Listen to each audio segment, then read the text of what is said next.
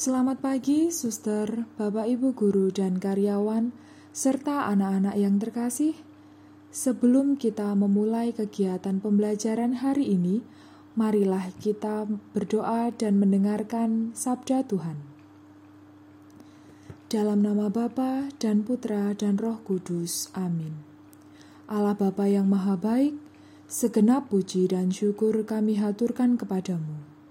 Kami anak-anakmu siap untuk mendengarkan sabdamu. Bimbinglah kami dan cairkanlah hati kami yang beku. Amin. Inilah Injil Yesus menurut Lukas. Dimuliakanlah Tuhan. Ketika genap waktu pentahiran menurut hukum Taurat Musa, Maria dan Yosef membawa anak Yesus ke Yerusalem untuk menyerahkannya kepada Tuhan, seperti ada tertulis dalam hukum Tuhan. Semua anak laki-laki sulung harus dikuduskan bagi Allah. Juga mereka datang untuk mempersembahkan kurban menurut apa yang difirmankan dalam hukum Tuhan, yaitu sepasang burung terkukur atau dua ekor anak burung merpati. Waktu itu adalah di Yerusalem seorang bernama Simeon. Ia seorang yang benar dan saleh hidupnya yang menantikan penghiburan bagi Israel. Roh Kudus ada di atasnya, dan kepadanya telah dinyatakan oleh Roh Kudus bahwa ia tidak akan mati sebelum ia melihat Mesias, yaitu Dia yang diurapi Tuhan. Atas dorongan Roh Kudus, Simeon datang ke Bait Allah. Ketika anak Yesus dibawa masuk oleh orang tuanya untuk melakukan kepadanya apa yang ditentukan hukum Taurat.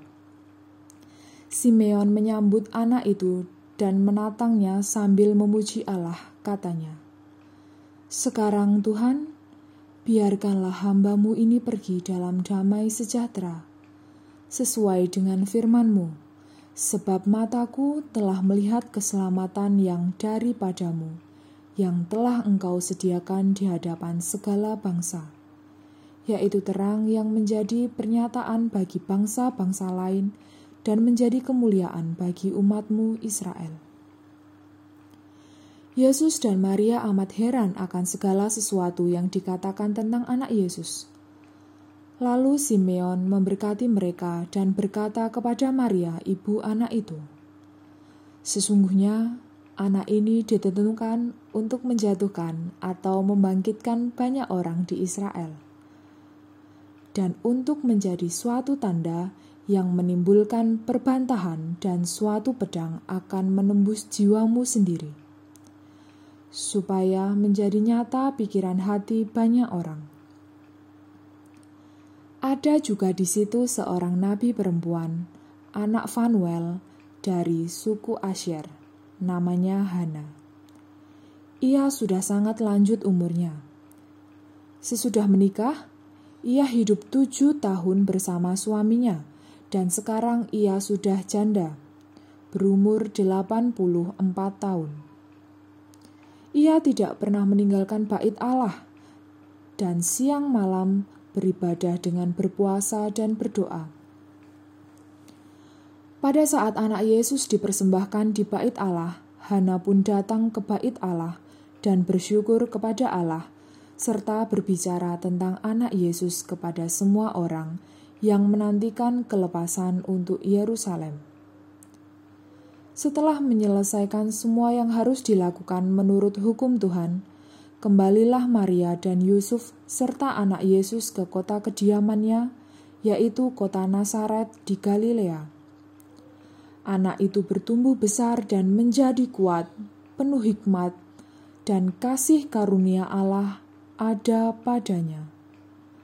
Demikianlah Injil Tuhan. Terpujilah Kristus. Pada hari ini, kita merayakan pesta Yesus dipersembahkan di bait Allah. Perayaan yang umumnya dirayakan terhadap 40 hari setelah kelahiran Yesus atau perayaan Natal. Peristiwa ini mengajak kita untuk mengakui bahwa Kristus Sang Terang yang hadir ke dunia untuk membawa keselamatan bagi manusia. Dalam Injil dikatakan bahwa Yesus merupakan terang yang menjadi pernyataan bagi bangsa-bangsa. Yesus ditentukan untuk menjatuhkan dan menghidupkan banyak orang, dan juga dari sinyal yang mengakibatkan perbantahan. Marilah kita berdoa. Allah Bapa di surga, kami berterima kasih atas waktu yang boleh kami terima. Terlebih kami bersyukur atas kesempatan belajar yang Kau berikan. Kami mohon kepadamu ya Tuhan, supaya Engkau menerangi akal budi kami, agar dapat menerima pelajaran dengan baik. Berilah kami kekuatan agar dapat memahami pelajaran yang akan kami pelajari hari ini. Berilah pula kami semangat belajar yang tinggi, supaya kami dapat belajar dengan rajin, tekun, dan teratur. Bantu kami selama proses belajar ini supaya dapat memusatkan perhatian kami hanya pada pelajaran, sehingga tidak mudah terseret oleh godaan yang dapat melemahkan semangat belajar kami. Ya Tuhan, bantulah dan dampingilah kami dalam belajar ini. Amin. Dalam nama Bapa dan Putra dan Roh Kudus. Amin.